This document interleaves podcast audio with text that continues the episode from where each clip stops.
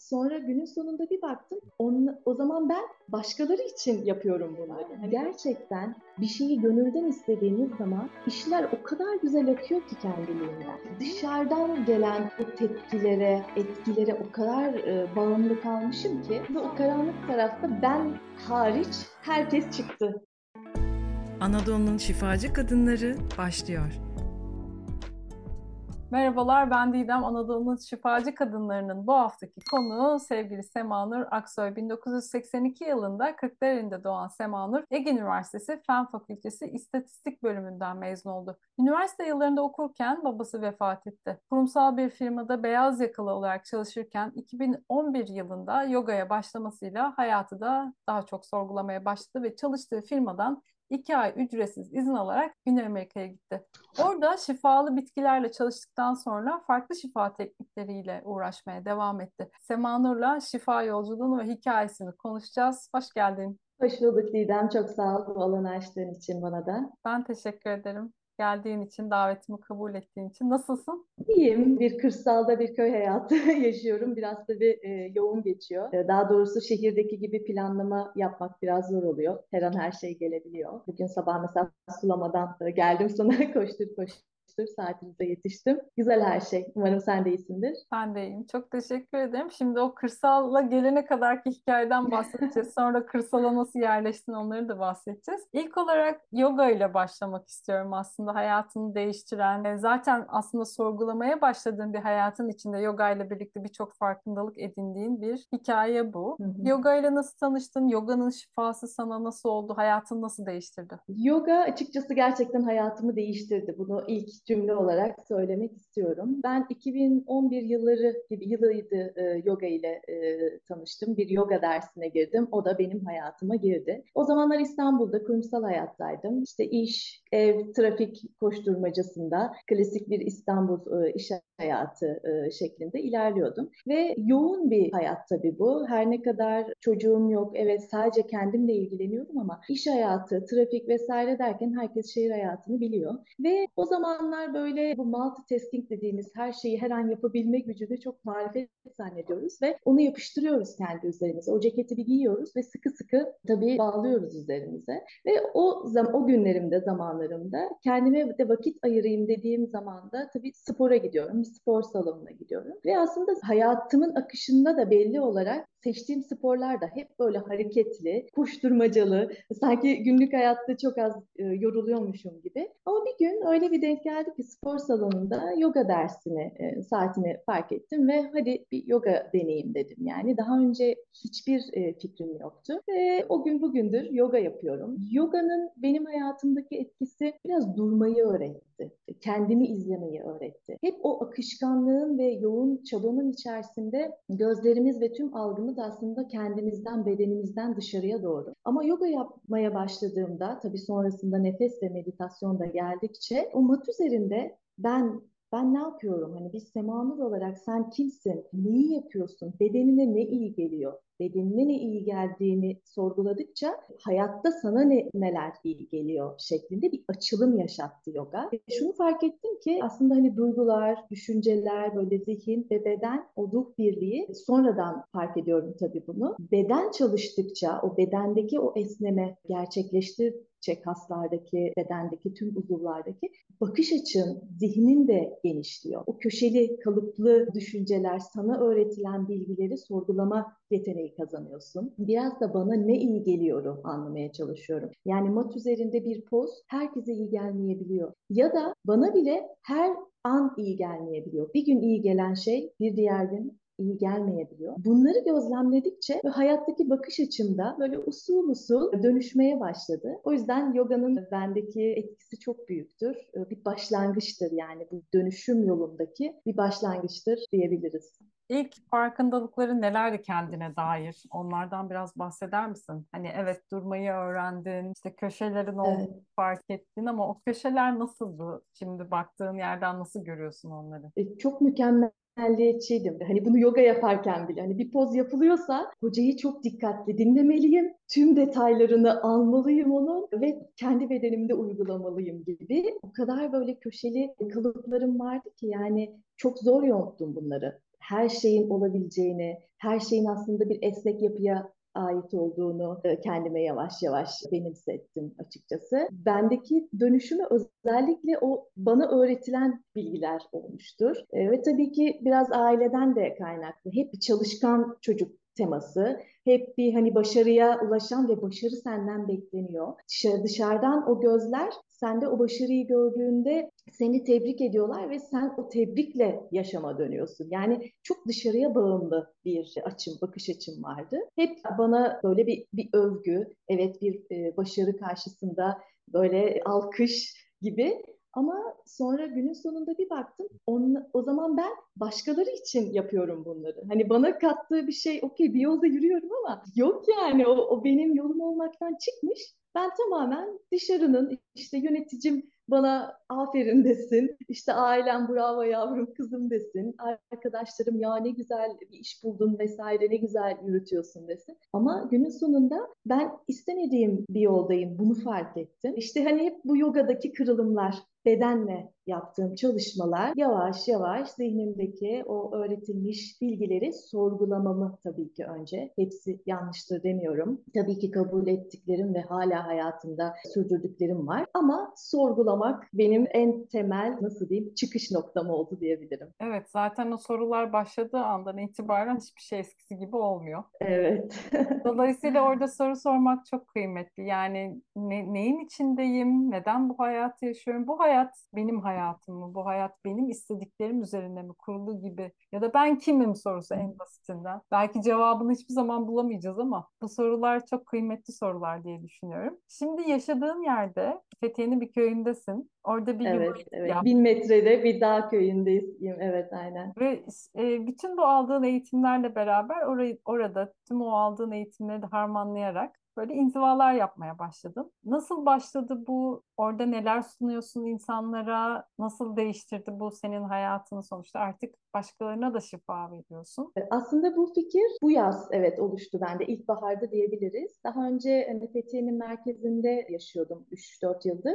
Sonrasında öyle bir dağ köyüne yerleşme fikri çıktı ve çok güzel gelişti. Bu ekoterapi kavramından doğdu aslında bu fikir bende. Ekoterapi de ekoloji ile psikolojinin bir sentezi olarak e, literatürde geçiyor ve aslında günümüz o modern hayatlarda doğanın bir parçası olmaktan çıkıp doğayı sadece seyreden, onun dışarısında bir parça olarak insanların kabul görmesiyle bir bazı olumsuz durumlar çıkıyor insan bedeninde, ruhsal e, durumunda. Ve işte ekoterapide bu gibi e, ekolojik tatil ya da ekolojik inzivalarla, doğada vakit geçirmeyle insanları, bunun altını çiziyorum, tekrar doğanın bir parçası olduğunu hatırlatmak üzerine aktiviteler sunma şeklinde ilerliyor. Benim de burada yapmaya çalıştığım inzivaların aslında temeli ekoterapidir. Bu yüzden de inzivaların ismini de orman terapisi olarak e, koydum. Çünkü burada bir ormanın içerisinde yaşıyoruz ağaçların gölgesinde, kuşların cıvıltısında ve buraya gelen kişilerin de tabii ki buradaki amacım yine altını çizmek isterim. Mutlaka herkes şehirden kırsala göç etmek zorunda. Bunun çözüm yolu budur gibi bir düşünce ve fikrim kesinlikle yok. Sadece buradaki amacım o modern hayatta benim de bir zamanlar kılıp gittiğim o telaş içerisinde yaşanan yaşamlarda kendinize böyle bir es noktaları tanımlamak. Orada bir kendinizi gözlemlemek. Nasıl gidiyor hayatım? Beni besleyen şeyler ne? Doğayla olan temas, bir ağaca daha yakından bakmak. Sadece bir kartpostalda ya da bir filmde değil. Ya da hayvanların seslerini daha yakından duymak. Tamamen doğaya entegre bir plan, program hazırlıyoruz. Ve birebir olduğu için bu çalışmalarda ben buraya gelmek isteyen kişilerle önceden bir telefonla görüşme gerçekleştiriyorum. İhtiyacı olan ne? Bazen sadece durmak, sadece sohbet etmek isteyebiliyoruz. Bazen yoga yoğunluklu çalışmak isteyebiliyoruz. Bunun içerisinde tabii ki orman yürüyüşlerimiz var. Orman banyosu adını verdiğimiz, doğayla birebir temas halinde olduğumuz noktalar var. Detay mesaj terapisi uyguluyorum. Ayrıca onu da programa ekliyoruz. Yine yakınlarımızda doğayla baş başa kaldığımız kanyonlar var. Kanyon ziyaretleri yapıyoruz. Antik kent ziyaretleri yapıyoruz. Tüm çerçevede baktığımızda biraz tatil ama biraz da da kendimizle vakit geçirdiğimiz bir nokta oluyor. Bir de kalabalık bir e, grupla olmadığı için birebir baş başa oluyoruz biz burada. Birbirimizi dinliyoruz. Bazen onun beni dinlemesi dönüştürücü olabiliyor. Bazen de benim o kişiyi dinlemem ya da hiç farkında olmadığı şeyleri sorgu sormam sorgulatmam kıymetli olabiliyor. Bana da çok iyi geldi açıkçası bu terapi. Ben de hala dönüşüyorum ve bu yoldayım zaten. E, çünkü hiç tanımadığım bir kişiye evini açmak da zor bir şey. Karşı taraf için tanımadığı bir kişinin evine gelmek de çok zor. Ve biz bu onu kırdığımız zaman işte başta merhaba nasılsın diye konuşurken sonra böyle sarılarak bir daha ne zaman bir araya gelebiliriz niyetleriyle ayrıldık buradan. Dolu dolu bir yaz geçirdik. Bayağı keyifli oldu açıkçası. Benim için de gelenler için de. Şimdi şey çok dikkatimi çekti. Sen de benim gibi birçok farklı alanda eğitim almışsın. o bir doyumsuzluk evet. muydu? Bir merak mıydı? Neydi sence oradaki motivasyonun? Oradaki motivasyon evet arayış tabii ki. Biraz ne yazık ki diyorum ama aslında bu noktada bir şeyim de var. E, kendi açımdan tespitim de var. Çok çok yola savrulmadım diyebilirim ben. Yine de hani gözlemlediğimde biraz o açıdan. Bana iyi gelen şeyleri ya da hani kendimize iyi gelen şeyleri biraz deneme yanılma yöntemi yapmak durumundayız ya bazen hayatta. Bu da onun gibi bir şey oluyor. Ama hiç unutmuyorum bir eğitimdeydim şimdi ismini vermeyeyim. Böyle hani kafe kahve çay e, molasında bir kadın arkadaş şey demişti. Yarın da şu eğitime gideceğim haftaya da şu var falan böyle. Bir an bir irkildim. Bir dakika Semanur sen de mi böylesin falan diye böyle bir tokat gibi çarptı yani bu arkadaşın söylemi. O an bende gerçekten bir kırılımdır. Bir dakika dedim Semanur sen ne yapıyorsun? Neyi arıyorsun? Hani nedir bu eğitimlerde bulmak istediğin şey? Şu an sana iyi gelen ne var? Yoga var, nefes var, evet meditasyon var ve ellerimle bir şeyler yapmak istediğime dair de onu da belki konuşuruz. Güney Amerika'da bir çağrı almıştım ve ellerimle bir şeyler yapmak istiyorum. Nedir? Reiki. Reiki girdi hayatıma ve ondan sonra ben böyle bir, bir paket, kendimce bir paket yaptım ve o paketin içerisinde yoğunlaşmaya başladım. Bunun içerisine sonradan yine ellerim dahil olduğu için Tay masaj terapistliği geldi. Ve şimdi tamamen o paketin içerisinde kendi kendimi yoğuruyorum diyebilirim. Ve buradan edindiğim deneyimleri de çevreme bu şekilde aktarıyorum. Hani o bir kırılımdır. Çok dağılmadan kendimi böyle bir anda topladığım bir an. Tabii ki sosyal medyanın da bu iletişim çağı olmasından da kaynaklı çok fazla böyle bizim yolumuzda dışarıdan etkiler olabiliyor. Yani bir gördüğümüz bir başlık, gördüğümüz bir etiket, bir kişi, ben de deneyeyim, ben de deneyeyim diyerek o yollara savrulabiliyoruz. Orada yine kendi merkezimizde iyi olabileceğini düşündüğümüz şeylerde kalmak en şifalısı oluyor. Bunu ben kendimde fark ettim şahsen. Ben şeyi merak ediyorum. Şimdi her beyaz yakalının hayalidir ya kırsala yerleşmek. O hayal uzaktan göründüğü gibi miymiş? Nasılmış sence? Yok değil. Baştan söyleyeyim. Ee, daha fazla çalışmamız gerekiyor. Ama tabii hani yürekteki o niyet neyse bir şekilde yolunu buluyor. Biraz da kolay değil. Yani gerçekten kurumsal bir hayatta her ayın sonunda yatan bir maaşınız var ve onunla geçiniyorsunuz. O benim için büyük bir kırılım oldu zaten. Yani ondan vazgeçmem çok zor oldu. Benim iki yılımı aldı o, o, o düşünce kalıplarından e, ya da hatta maddi olarak da kendimi o güvenli konuma getirmem. Bir şeyi kafama koydum. Hani dedim ki evet ben bir gün bu işten ayrılacağım ama nasıl olacak? Onu hala araştırıyordum o zamanlar kafamda bu ilk Güney Amerika'ya gittiğimde. Döndüğümde evet dedim bir tarih koymuyorum ama bitecek bir gün Sema Ne yapabilirsin? para biriktirebilirsin. Yani Sema Bunun tek şeyi, aksiyonu budur. Çünkü biliyorum ki eğer o konfor alanını bir şekilde maddi ortamda da sağlıyoruz tabii ki. Hani bugün dışarı çıktığımız her an para harcamamız gerekiyor. Eğer işi bıraktığım anda beni uzunca bir süre idame ettiremeyecek bir birikimim yoksa ben çok daha büyük bir depresyona girerim. Bunu kendimi o kadar iyi tanıyorum ki. O yüzden A, B hatta C, D planları falan e, böyle kağıtlara dökülmüştür benim açımdan yani. Ben böyle çok sağlamcı bir insanımdır. Öyle olunca da e, zor, zor, zor oldu yani o fikri tabii ki bana kendi kendime sindirmek bile. Ama burada şöyle bir şey var. Gerçekten bir şeyi gönülden istediğiniz zaman işler o kadar güzel akıyor ki kendiliğinden. Niyetinizi belirliyorsunuz ama çabalıyorsunuz tabii ki. Bunun için aksiyona geçmeniz gerekiyor. Hani nedir? Ben bunun için işte önce Fethiye'ye taşındım ama önce köyde yaşam aklımın ucunda bile yoktu. Bu kendiliğinden ve olağan bir akışta gerçekleşen e, bir durum söz konusu olduğu için böyle keyifle, e, zorlamayla ya da mecburiyetten değil, keyifle akan bir durum oldu. O yüzden de hani neye karar verirsem bundan sonra aslında ve hiçbir şey de benim için evet bu oldu ve bundan sonra ömür boyu bu olacak diye bir şey yok. Hani az önce sorduğum soruya hitafen de olsun. O kalıbımı da kırdım. Her şey değişebilir benim hayatımda. Ben hani bugün bu kaydı yapıyoruz ama belki önümüzdeki sene CV'mi yenileyeceğim ve iş aramaya başlayacağım. Belki öyle bir hayata ihtiyaç duyacağım. Bunun benim için keskin bir dönüşüm olma fikri beni daha çok kaosa ve depresyona sokuyor açıkçası. Ama her şey olabileceği zamanda, olması, olması gerektiği zamanda olacak e, şeklinde baktığımda zaten olan oluyor ve yoluna devam ediyorsun. Ben biraz da böyle yumuşadım. Peki senin için hayatında gerçekten e, uyanışına vesile olan önemli kırılma noktaları neler oldu? Tabii benim hayatım işte bu en kırılma noktası yıllarca hayalini kurduğum o kurumsal hayat, İstanbul'daki güzel plaza hayatını değiştirmek oldu ve o değişim aşaması da çok ilginçtir. Trafikteyim, Büyükdere Caddesi'ndeyim büyük ihtimalle böyle. Sabah işe gidiyorum.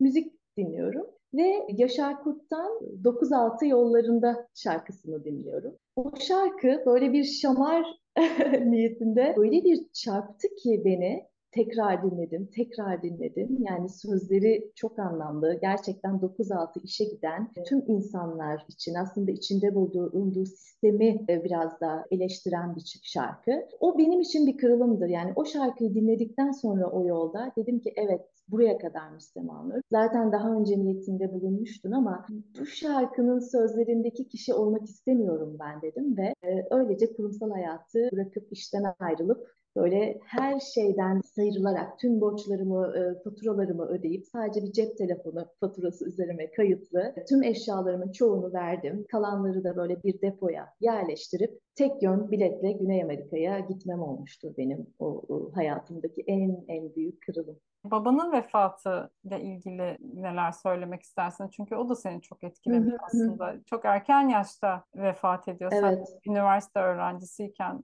onun kaybı evet, nasıl evet. seni? O, o acının üzerine mesela biz ailecek daha başka bir acı tanımıyoruz gerçekten. Ben lise yıllarındaydım, babam hastalandı ve üniversite yıllarımda da yine 8 yıl boyunca onunla birlikte bu kanserle mücadele ettik diyebilirim. İşte operasyonlar, tedaviler vesaire. En son üniversite 3. sınıftaydım ben. 22 yaşındaydım galiba. Vefat etti babam. Değişik bir histi tabii. Ben hani çok gencim daha ama böyle babam o kadar melek gibi bir insan ki hani nasıl gelebilir onun başına böyle bir şey diye bir sorgulamaya, hayata dair de sorgulama orada da başlıyor zaten. Demek ki her şey olabilir diyorum. Yani ölüm var bu dünyada. Babam bile öldüyse zaten herkes ölebilir. Bir de o dönem öyle bir şeye girmiştim. Hani böyle babamdan daha yaşlı bir insanı görme tahammülüm bile yoktu. Hani sanki her şey yaşla ilerliyormuş gibi öyle bir algıya kapıldım. Ondan sonra onu tabii biraz daha törpüledim kendimde. Hani herkesin bir zamanı var, bir, bir yaşam hakkı var e, neticesinde diyerek. Ama biz ailecek birbirimize iyi sıkın e, tutunduk biraz da. Ve e, bir de babam bizi güçlü de yetiştirdi bir açıdan. Hani üç kız çocuğu, üçü de okumalı, başarmalı ve kendi ayaklarının üzerinde durmalı. Hani birçok ailenin tersine Anadolu'da erkek çocuğu yok diye hiçbir zaman hayıflanmadı. Aksine kız çocuklarını çok severdi. Ve biz hani o karşılıklı sevgi içerisinde böyle e, babamın gidişini biraz da huzura kavuştu diye. Çünkü çok hastalık çekti. 8 yıl boyunca o hastalıkla mücadele ettiği için biraz huzura erdi şeklinde bir neticeye kavuştu diyerek e, içimizde e, aslında bu yası tutabildik. E, çünkü biliyoruz ki bir gün daha yaşasa çok acı çekiyordu. Ve benim işte hayatı sorgulayıp her şeyin başı sağlıktır dediğim, şu anda da her zaman, her durumda söylediğim, eğer sağlığınız yerindeyse, çevrenizdekilerin e, sevdiklerinizin sağlığı yerindeyse gerçekten dönüşmeyecek, değişmeyecek hiçbir şey yoktur yani. Her şeyin başı sağlık ve bu yolda ilerlemeye devam. Sonuçta yaşam devam ediyor. İzin alıyorsun. Oraya bir dönmek tekrar istiyorum. İki ay ücretsiz izin alıp Güney Amerika'ya gidiyorsun ve orada bitkilerle çalışıyorsun. Bir kere neden Güney Amerika? Bitkilerin peşine mi düştün diye soracağım. ve O bitkilerle çalışmak nasıldı? Neleri fark ettin? Nasıl şifalandın? Bitkilerin şifasından biraz bahseder misin? 2015 yılıydı. Ben ilk böyle hani yogayla sorguladığım her şey işim çok güzel, çok seviyorum bir yandan. Hani çalıştığım firmayı, arkadaşlarımı. Ama dedim ben ben bir mola vermeliyim. Hani böyle e, o zincirlerimi kırmalıyım yoksa fark edemiyorum ne olup bitiyor. İki ay ücretsiz izin aldım 2015 yılında ve e, Güney Amerika'ya gittim. Çünkü ben üniversiteyi bitirdikten sonra da Meksika'da bir staj yapmıştım ve e, bu vesileyle de İspanyolcam e, vardı biraz. Öyle olunca Güney Amerika hep benim hani Meksika zaten apayrı bir yerdedir kalbimde. Hep yüreğimde kalbimde olan e, bir şeydi yani. O hem İspanyolca pratiği yapmak hem de oranın böyle o dağlarında gezmek, o e, doğasıyla e, bir arada olmak. Çok sevdiğim bir bölge. O yüzden dedim ben tabii ki şifalı bitkilerin de etkisi var. Öncesinde çok araştırdım. Gerek belgeseller, gerek okumalar yaptım. Bunu bildiğini düşündüğüm uzman kişilere danıştım gibi. E, bana çok iyi geldi. Yani zaten su gibi aktı iki ay e, diyebilirim. İlk şifalı bitki çalışmalarımı da e, daha önce tabii ki Meksika'da yapmıştım ama bu anlamda daha derin anlamda, hazırlandığım anlamda diyebilirim. E, Peru'da gerçekleştirdim. Şöyle ki şifalı bitkiler kısmına açıkçası ben böyle çok hassas bir pencereden bakıyorum. Çünkü gerçekten çok hassas bir konu. Hani tavsiye vermek vesaire kesinlikle konumuz dahilinde değil. Bunu çok iyi araştırmak ve biraz senin hazır mısın, hazır değil misin o soruyu kendine sorman gerekiyor. Bir de yine günümüz iletişim çağında bu bilgi biraz kirletiliyor gibi geldi bana. Özellikle hani evet kadim topraklardan işte şamanlardan çıkan o bilginin dünyaya yayılması sırasında çok muazzam bir şey bu. Ama o, o, o yoldaki kirlenme e, adımlarına e, şahit olunmaması gerektiğini ve buna bir katkıda bulunulmaması gerektiği taraftarıyım. O yüzden bir Diğer konu da zaten bu bitkiler, bu bitkilerin e, sendeki, bendeki, başkasındaki etkisi tamamen farklı oluyor. Çünkü sen aslında kendinle çalışıyorsun. Bu bitki sadece bir destekçi sana. Böyle olunca da herkesin deneyimi çok farklı. Acayip farklı yani. Hani ben kendi deneyimimi zaten aslında bunu sunan şamanlardan el almış o medicine man dediğimiz kişilerin de önerisi deneyimlerinizi paylaşmayın. Herkes, herkesin deneyimi kendine özgü ve kendi içinde çözümlenmesi gereken adımları içeriyor. Bu yüzden eğer alan açılırsa herkese hoş geldin diyor ama bunun için de herkesin bir zamanını beklemesi, bir kendi içini yönetmesi, o sesi duyması gerektiği taraftarıyım ben. Kesinlikle ben de seans verirken seans verdiğim insanlara mutlaka onu hatırlatıyorum. Yani lütfen bunu detaylarıyla paylaşmayın ki karşı tarafta farklı beklentiler oluşabilir ve o beklentiyle gelip de o beklenti karşılanmadığında çok daha büyük hayal kırıklığına uğrayabiliyor insan bu yol içerisinde. Dolayısıyla iç sesine bakmak, o şifa tekniği sana nasıl geliyor? O insan sana nasıl geliyor? Yani çalışacağın insan sana nasıl geliyor? Bunlara gerçekten bir durup dinlemek, o iç sesini ve bu şekilde adım atmak ben çok kıymetli görüyorum. Sonuçta her şifa tekniğinin farklı dokunuşları var ve herkesin deneyimi o anlamda değişiyor. Yani benim şifalandığım bir teknik sana iyi gelmeyebilir. Senin şifalandığın bir teknik bana iyi gelmeyebilir. Buralarda çok dikkatli olmak ve hiç acele etmeden. Çünkü ben onu yaşadım yani benim hemen çözmem lazım bu işi deyip yani hiç e, sorgu sual olmadan e, bodoslama daldım. Sonra da çok güzel çakıldım. Bir şekilde tabii çok güzel de deneyimleri ve dersler oldu ama onu da çok yaşamaya gerek kalmadan, kendini o kadar hırpalamadan da bu iş yapılabiliyor aslında. O yüzden çok güzel bir noktaya değindin. Peki bu yolculuk sırasında ve işte o kendine dönmeye başladıkça işte bitkilerle çalıştığın ya da diğer tekniklerle kendine çalıştığın kendi gölge taraflarında neleri fark ettin? Mükemmelliyetçilik vesaire ama kendi içinde o zamana kadar yüzleşmediğin o karanlık tarafta neler çıktı? Evet aslında o karanlık tarafta ben hariç herkes çıktı diyebilirim. yani tamamen ben ben böyle karşı tarafta yani gözlerimin arka tarafında değil böyle ön tarafta gördüğüm her şey içimden birer birer çıktı ve döküldü. Ayıpladığım her şey kendi içimdeydi. İğrenerek baktığım her şey kendi içimdeydi. Çok garip bir ben çıktı ortaya öyle olunca. Sonra buna da inanamadım. Bu gerçekten ben miyim dedim. Öyle olunca da sonra dedim ki hani o kadar başkalarının bakış açılarıyla yaşıyorum ki bu çıkmaması imkansız bir şey zaten hep böyle bir hareket yapıyorum. Acaba oradan nasıl açıdan nasıl görünüyorum? Bir yazı yazıyorum, yazımı beğenecekler mi? Ya bırak yaz yani hani içindekini dök. Hani şey yazıyorum defterime mesela.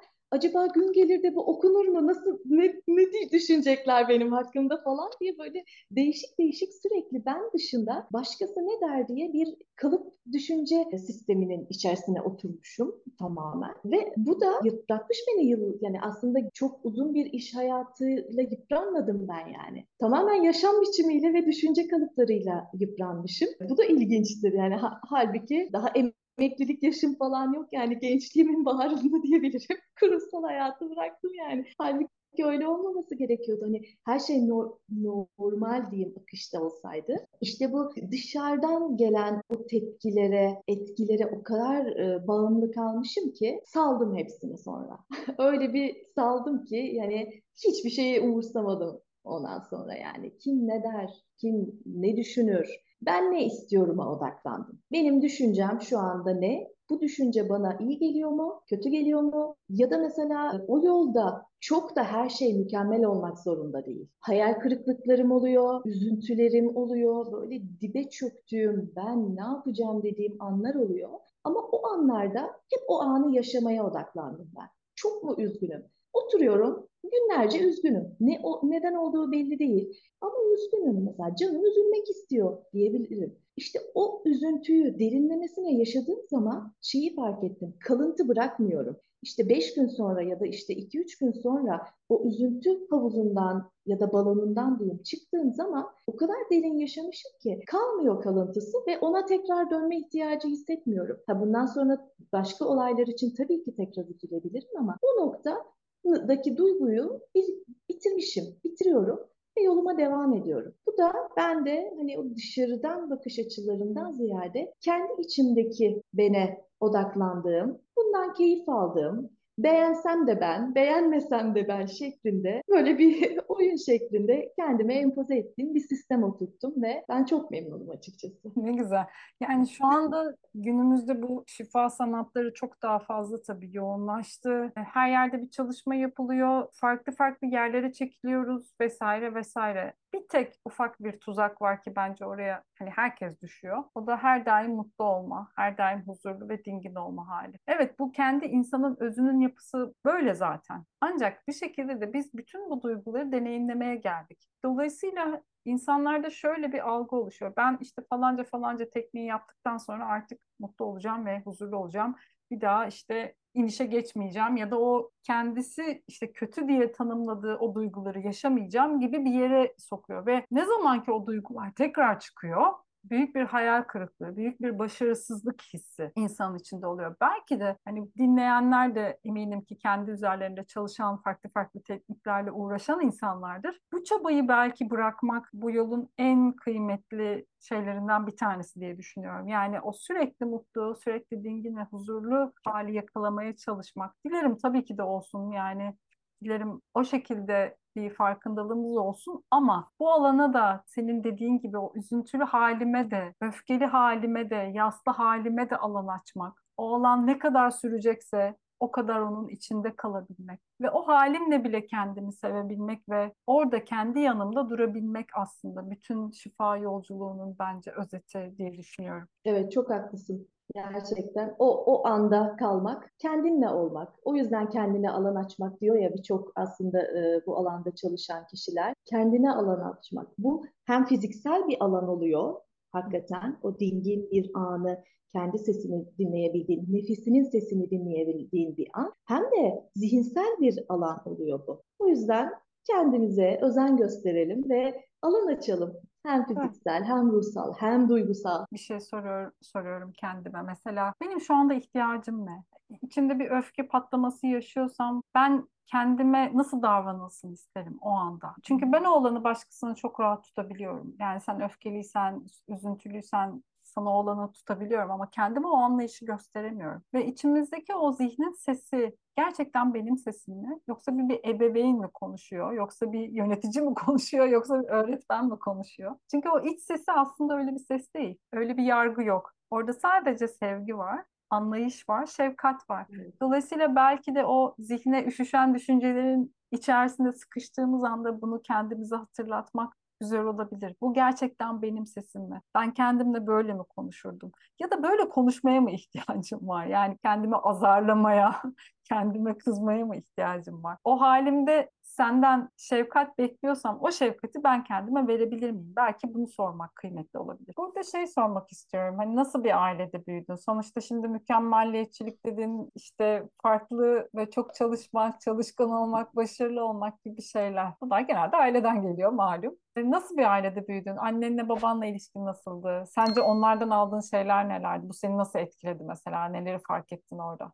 Ben e, aslında böyle tipik bir Türk ailesinde büyüdüm diyebilirim yani. E, babam asker emeklisiydi. Bir memur bir e, ailenin çocuğuyum. Annem ev hanımı ve iki tane ablam var. E, yaşları benden büyük. Ben böyle e, sonradan olan bir çocuğum. Ve sevgi dolu ve ve bunun yanı sıra saygı da dolu. Yani biraz babamın asker olmasından da kaynaklı. O sevgi ve saygı bir araya o kadar geçmiş bir durumdaydı ki hani şimdi dönüp baktığımda gerçekten hani birbirimize ger şey olarak saygı çerçevesinde tüm hitaplarımız ve davranışlarımız kırmadan mümkün olduğunca babamın en büyük özelliği oydu zaten. Hani çocuklarını ya da karşısındaki birini asla kır, kırmak istemezdi ama bu kendini yıpratırdı. Mesela bunu fark ettim. Biz de bunu öğrendik açıkçası ondan. Hep kırılan taraf kendimiz olmayı bir nebze bundan başkasını görmedik yani aile ailede yetiştirilme tarzında. Ve tabii o öğrenilmiş bilgiler, e, okula gidilir, başarılı olunur, işte üniversiteye gidilir, iş bulunur ve hayat böyle devam eder ve bunun ötesi başka bir hayat var mıdır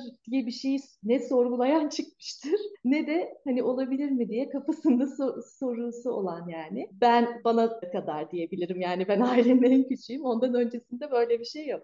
Herkes aynı bu saydığım e, şeyleri gerçekleştirdi. Güzel. Annem biraz daha özgürlük özgürlükçüdür mesela babamla, babamla karşılaştırınca. Ben biraz o özgürlükçü ve sorgulayıcı tavrımı annemden almışım. Ama tabii ki hani bir arada olunca hangisi hangisini bastırabiliyor zaman zaman değişiklik gösterebiliyor. Ve o edindiğim tüm o kalıp bilgiler benim aileden gelme. Hani şeyi bile anlamazdım ben. Bir sınıfta birisi tembel nasıl olabiliyor? Yani neden tembel falan diye kendi kendime onu sorgulardım. Neden düşük net alıyorsun? Nasıl olabiliyor diye böyle anlayamadığım şeyler vardı. Hala da var. Nasıl olabiliyor diye. Çünkü yok başka bir şey yok yani bende benim tarafta benim sayfamda. Ama mesela seyahat ederek özellikle burada uzun seyahati çok ön plana çıkartıyorum ben. Hani Güney Amerika'ya gittiğimde işte iki ya da yedi aylık o seyahatlerimde o başka hayatlar mümkünü çok net bir şekilde gördüm ben onlar benim böyle ufkumu açtı. Yani her şey olabilir. Kişi tembel de olabilir, çalışmayabilir, işte para kazanmıyor olabilir, üniversite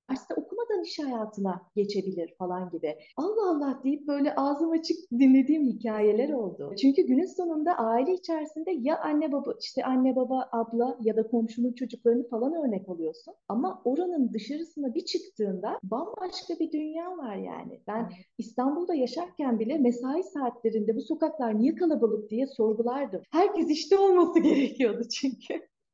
yani o kadar garip ki böyle şey diyordum git paket yapacağım ne iş yapıyor bunlar acaba falan diye. Hani o, onun gibi bir şey. Seyahatte de o kadar değişik insanlarla tanıştım ki işte gap year yapanlar böyle bir yıl e, seyahat ediyorum diyor. Nasıl ya falan böyle oturup karşısına sorguluyorum işte nasıl para kazanıyorsun ama işte yetiyor mu falan. O kadar böyle sorular var ki kafamda. Ama ne oluyor? Kendiliğinden o cevaplar geliyor bir bir. Mesela o ikinci seyahatimde de ben seyahat sırasında para kazanmaya başladım. Çünkü olay kendiliğinden ben böyle etnik pazarları geziyorum işte teyzelerle pazarlık ediyorum kendime bir şeyler alıyorum. Baktım takipçilerim de benden de sipariş vermeye başladılar bana. Bana da şunu alır mısın bana da bunu alır mısın? E, tamam dedim. Yani ben böyle bir nevi e, işte etnik boho shop e, adı altında bayağı böyle Güney Amerika'nın pazarlarını gezen, oradan böyle işte kumaşlar, örtüler, kıyafetler alıp satan biri haline dönüştü. Yani planımda yoktu mesela. Ama içinde bulunduğum duruma hani ne kadar eski öğrenilmiş bilgilerini bırakıp yeni olasılıklara, onlara adapte olduğun zaman gerçekten karşına bin bir türlü şeyler çıkıyor. Yeni tanıştığın herkes ayrı bir soru işareti işaretini cevaplıyor kafanda. Bu da muazzam bir dönüşüm oluyor zaten. Aile sorundan geldik senin ama, ama yani ailede en evet e, çok doğru. Yani, yani evet ailenin tabii kalıpları alıyorsun farkında olmadan çünkü bir kopyalama var orada ve o, o kopyalama sen farkında olmadan yerleşiyor ve onu sen zannediyorsun. Aslında o sen değilsin. Ve ta ki farklı dünyaları, farklı insanları görene kadar o fanusun içinde dünyanın öyle olduğunu zannediyorsun. Benim için de öyle olmuştu. Yani sen 7 ay, 2 ay artı 7 aylık bir seyahat yaptın. Ben bir buçuk senelik bir seyahat yaptım. Aynı sorular bende de vardı. Bu insanlar nasıl geziyor bu şekilde? Hani ben bir şekilde tazminat aldım geziyorum tamam ama yani sen daha 22 yaşındasın. Hani nereden buluyorsun? E bir bakıyorsun adamın el, yani elinden gelmeyen şey yok. Her şekilde para kazanıyor. Ve bir dakika ya demek ki sadece ofiste çalışarak para kazanılmıyormuş. Çünkü benim tek kafamdaki şey hani maaşla çalışırsın yani bir ofiste çalışırsın mesai ve öyle para kazanabilirsin ancak başka olasılık bilmiyordum. Sadece para da değil aslında yani hayatın yaşama şekliyle alakalı da çok şey öğretiyor. O yüzden ben tanıştığım herkese yaşı fark etmeksizin mutlaka ama mutlaka hani kısa sürede olsa bu bir ay iki ay seyahat etmelerini, o seyahatle birlikte hani farklı dünyaları görmelerini tavsiye ediyorum. Hele ki 18 yaşında liseyi bitirmiş gençleri diyorum acele etmeyin. Yani okumasanız da olur. Yani ben okudum mesela şu anda başka bir şey yapıyorum. Evet okul da çok kıymetli bir şey ama bence hayatın kendi içinde her şeyi deneyimlemek muazzam bir tecrübe ve çok şey katıyor insana. inanılmaz bir bakış açısı veriyor. O anlamda çok gerçekten de değerli buluyorum böyle deneyimleri aslında. Belki buradan dinleyenler için de bir böyle bir ışık yakmış oluruz aslında. O kendi içindeki fanuslardan yani onun gerçekliği içinde sıkışıp kalanlar için 2-3 günlük yolculuklar bile çok şey değiştiriyor. Yani illa uzun her şeyi bırakıp gitmeye gerek yok bence bunun için. Şimdi mesela hani baban vefat etti, annenle ilişkin nasıl öyle bir çatışmanız vesaireniz olmuş muydu? Hani bu, bu özellikle de kendine bakmaya başladığında ve onlarla benzerliklerini fark ettiğinde bende mesela bayağı öfke çıktı. Evet, anne annemin söylediği ilk şey çok değiştin Semanur oldu. Yani o, o değişime tabii anlam veremiyor. Ne oldu ki falan gibisinden. Hani bizden uzaklaştı, şehir değiştirdiği için mi, işte gittiği okullar mı vesaire. Tabii o da kendi içinde sorguluyordur bunu da. Değiştiğim bir aşikar ve bunu gerçekten yüzüme karşı da söylüyorlar. E, ablamlar daha yumuşak tabii e, bu konuda. Hani o hayatını yaşa, bizim yapamadığımızı sen yap falan gibi bakıyorlar olaya onlar yani. Onlar da tabii farkındalar hayat akışları değişebiliyor vesaire vesaire. Ama annem hala senin emekliliğin olmayacak mı, sigortan yok mu falan gibi sorgulamalar yapıyor. Hala yapıyor. Ama ara ara böyle aman bıraktım tamam ne yapıyorsan yap diyor. Hani o da kendi içinde biraz gel gittiler yaşıyor bence. Ama genel anlamda da kabullenildi. O öfke kısımlarını ben aştıktan sonra kendi içimde açtıktan sonra bu keskin dönüşümü yaptığım için o öfkeyi ben çok aileme yansıtmadım. Zaten kararımı verdim. Söyledi. Sadece haber vermek e, amacıyla söyledim zaten. Ve onlar da hani bunun aksi yönde bir e, tavır sergileyemediler. Biraz da şey var hani o hep Semanur bir, bir şey karar veriyorsa bildiği vardır gibi bir güven de var. Yani ailenin bana empoze ettiği büyük bir güven söz konusu. O da kendime güvenmemi sağlıyor zaten. Ve o güven doğrultusunda adım adım alıştılar diyebilirim yani. Peki bu yol içerisinde sana ilham olan, kendinle yüzleşmende, kendini daha iyi tanımanda gerçekten rehberlik eden, tavsiye edebileceğim bir podcast, kitap veya film var mı seni etkilemiş olan? Podcast seni öneriyorum tabii ki. Benimkini ee, dışında. Dinlediğim tek podcast. podcast pek dinleyemiyorum ama daha çok hani okuyorum, izliyorum. Truman Show filmini öneririm. Hani aslında tüm bu konuştuğumuz konuların böyle biraz da birebir o, o fanus dedik ya o balonun içerisinde yaşama. Truman Show'u Jim Carrey'nin oynadığı onu izlemelerini öneririm e, dinleyicilere. Kitap olarak da e, ben biraz daha böyle yoga ve onun felsefi tarafları üzerine Bhagavad Gita öneririm. Yoga sutraları öneririm. Zihin yapısını, insan zihninin bakış açısını, bu kadim öğretilerden gelen e, o bilgilerin toplandığı kitaplar. Bunları önerebilirim. Belgesel önerebilirim bir de. Samadhi belgeselini bir ve ikinci ikinci bölümünü. İki bölümlüktü diye hatırlıyorum o. Yine aynı yapımcının galiba Inner World, Outer World e, şeklinde iç e, hayatlar, dış hayatlar, yaşamlar e, diye e, bir belgeseli var. Böyle bir belgesel önerisinde bulunayım. Bir de tabii doğayla olan o bağı, o canlılığı keşfetmek adına Kozmos serisini e, öneririm belgesel olarak ve Planet serisini öneririm. Bu bizim böyle o canlılığı yaşadığımız tüm hayvanları, evrenin oluşumu ve bir bütün olarak görebildiğimiz ve aslında bizim sorunlarımızın bunların tüm evrenin ve yaşamın içerisinde çok minik, minimal olduğunu keşfettiğimiz böyle zihin açan belgeseller öneriyorum. Önümüzdeki pro dönemde projelerin neler, hayaller neler var mı? Böyle eğitimler açılacak mı? İşte inzivalar devam ediyor zaten. Başka bir planlar var mı? Evet, kış döneminde belki birkaç tane inziva planı yapabilirim diye düşünüyorum. Ama bahara biraz daha buradaki tabii olanakları da geliştirerek sayıyı arttırarak birebir isteyene yine birebir ama e, böyle 4-5 kişilik mini gruplar halinde inzivalar düzenlemek istiyorum. Kış döneminde de online derslerim devam edecek büyük ihtimalle. E, yoga, meditasyon üzerine. Ayrıca bir de meditasyon üzerine de hani meditasyona başlamak istiyorum ama nereden nasıl başlayayım diyen kişilere yönelik tamamen sıfırdan e, başlamak üzere birlikte pratik edeceğimiz bir seri yayınlamak istiyorum. Harika. O zaman Sema Nur. Instagram adresini de ileteceğim. Açıklama kısmında oradan takip edebilirsiniz eğer çalışmalara katılmak isterseniz. Ve yolda olanlara ne söylemek istersiniz? Yol çok güzel. Yolu aslında ben hep bir, bir o lifetime dediğimiz böyle bir yaşam yolu gibi görüyorum. Ondan ne zaman çıkarsak işte sorunlar biraz gün yüzüne çıkıyor. O yüzden o yaşam yolunda e, böyle o canlılığımızı, hayatın e, mucizelerine biraz da baktığımız, oraya alan açtığımız bir yolda yürümeyi tavsiye ediyorum. Çünkü her şeyin başı sağlık dedik ya ilk e, podcast'te başlarken de gerçekten öyle.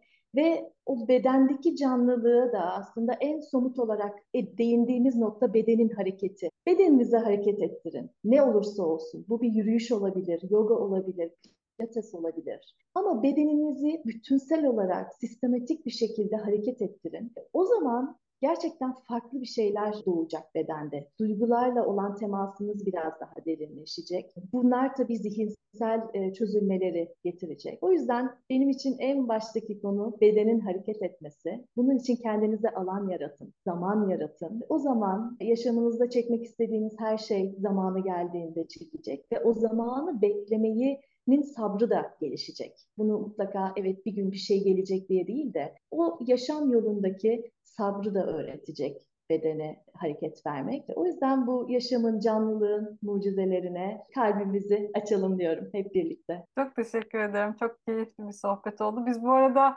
Fethiye'de yaşayıp, yaşayıp hala daha görüşemedik. Onu da buradan Evet. Aa, çok fena çok evet. yakın değiliz ama hani çok da uzak değiliz bu arada. İnşallah. Bulacağım, bulacağım seni Dida. Ya sen geleceksin bana ya ben sana misafir olacağım bir şekilde. Bu, buradan evet. da böyle hani buluşmamız için de bir niyetimizi koyalım. Aynen öyle. evet. Çok sağ ol. Teşekkür ederim Semanur. Çok kıymetli. Ben teşekkür ederim. Paylaştık. Benim için de çok kıymetli. Çok çok teşekkürler. Herkese umarım bir yerinden ışık olur, bir fikir olur yani. Aynen çok öyle sağ olmuştur da zaten sağ olasın. Size de çok teşekkür ediyorum. 19 Ekim'deki aşk buluşmasını hatırlatmak istiyorum. Ee, saat 21'de olacak. Bu buluşmalar biliyorsunuz bağış usulü oluyor. Ve Özlem Özülker, Duygu Sayılgangil ve Gül Maya Dağlı 19 Ekim aşk buluşmasının konukları olacak ve onlar çalışma yaptıracaklar. Eğer katılmak isterseniz Instagram adresindeki profildeki linke tıklayarak oradan kayıt formunu doldurabilirsiniz. Ve YouTube kanalıma abone olmayı ve yorumlarınızı paylaşmayı lütfen unutmayın. Gerçekten de beni çok besliyor e, yorumlarınız, görüşleriniz ve tabii ki de önerileriniz çok kıymetli. Eğer bu alanda görmek istediğiniz şifacı kadınlar varsa lütfen bana Instagram'dan ulaşın. Onların isimlerini paylaşın ve önümüzdeki dönemde onları da bu alana konuk edebileyim ve daha çok daha çok daha çok böyle büyüsün bu alan. Kendinize çok iyi bakın ve bir sonraki programda görüşmek üzere. Hoşçakalın. Anadolu'nun şifacı kadınları sona erdi.